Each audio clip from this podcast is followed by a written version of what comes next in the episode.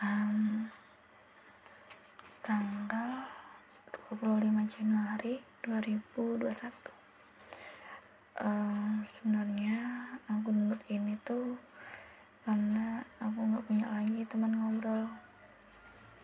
Jadi mungkin ngobrol sama diri sendiri tuh lebih menyenangkan ya kan kayak uh, ya lebih mengerti aja gitu. Yaudah itu dulu karena aku mau presentasi uh, statistika